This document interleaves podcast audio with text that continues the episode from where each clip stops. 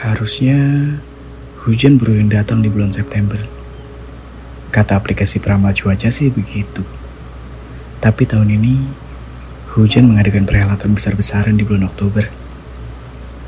Mungkin dia akan pergi di bulan November. Waktuku habis hanya untuk menunggu semua ini reda. Dan aku hanya sempat membuat sebuah perahu kertas untuk kemudian dihanyutkan bersamaan dengan aliran hujan. Dulu mungkin aku jadi orang yang paling senang ketika curahnya menyentuh tanah. Kemudian dia menembakkan aroma khasnya ke udara. Aku suka aroma hujan. Tapi kali ini, di masa ini, di fase ini, aku jadi orang yang paling menunggu saat mereka reda. Karena setelah reda, aku akan melanjutkan perjalananku ke banyak tempat. Ke tempat nan jauh, di antara perbukitan di pinggir kota. Hah, segarnya. Udaranya sejuk. Rasanya tak ingin kembali pulang. Lagi pula, siapa yang menunggu aku pulang? Atau aku saja yang tidak memperdulikan orang-orang yang menaruh perhatian? Jahatnya. Padahal mereka sudah baik mengingatkanku untuk pulang. Maaf ya, nanti aku pulang.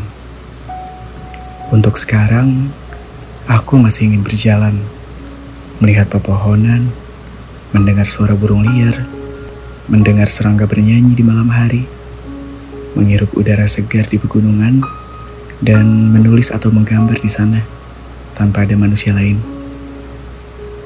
Karena sendiri adalah kondisi terbaik untuk membuat banyak hal yang gak penting berubah jadi sangat penting.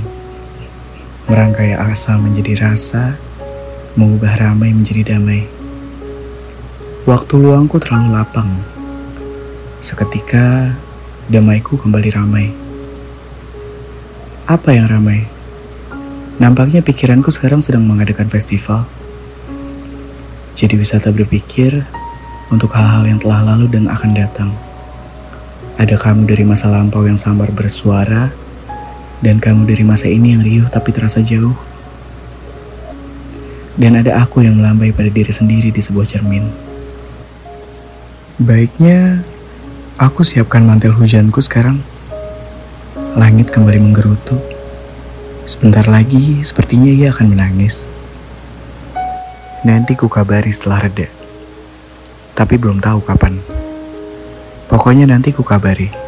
Permisi.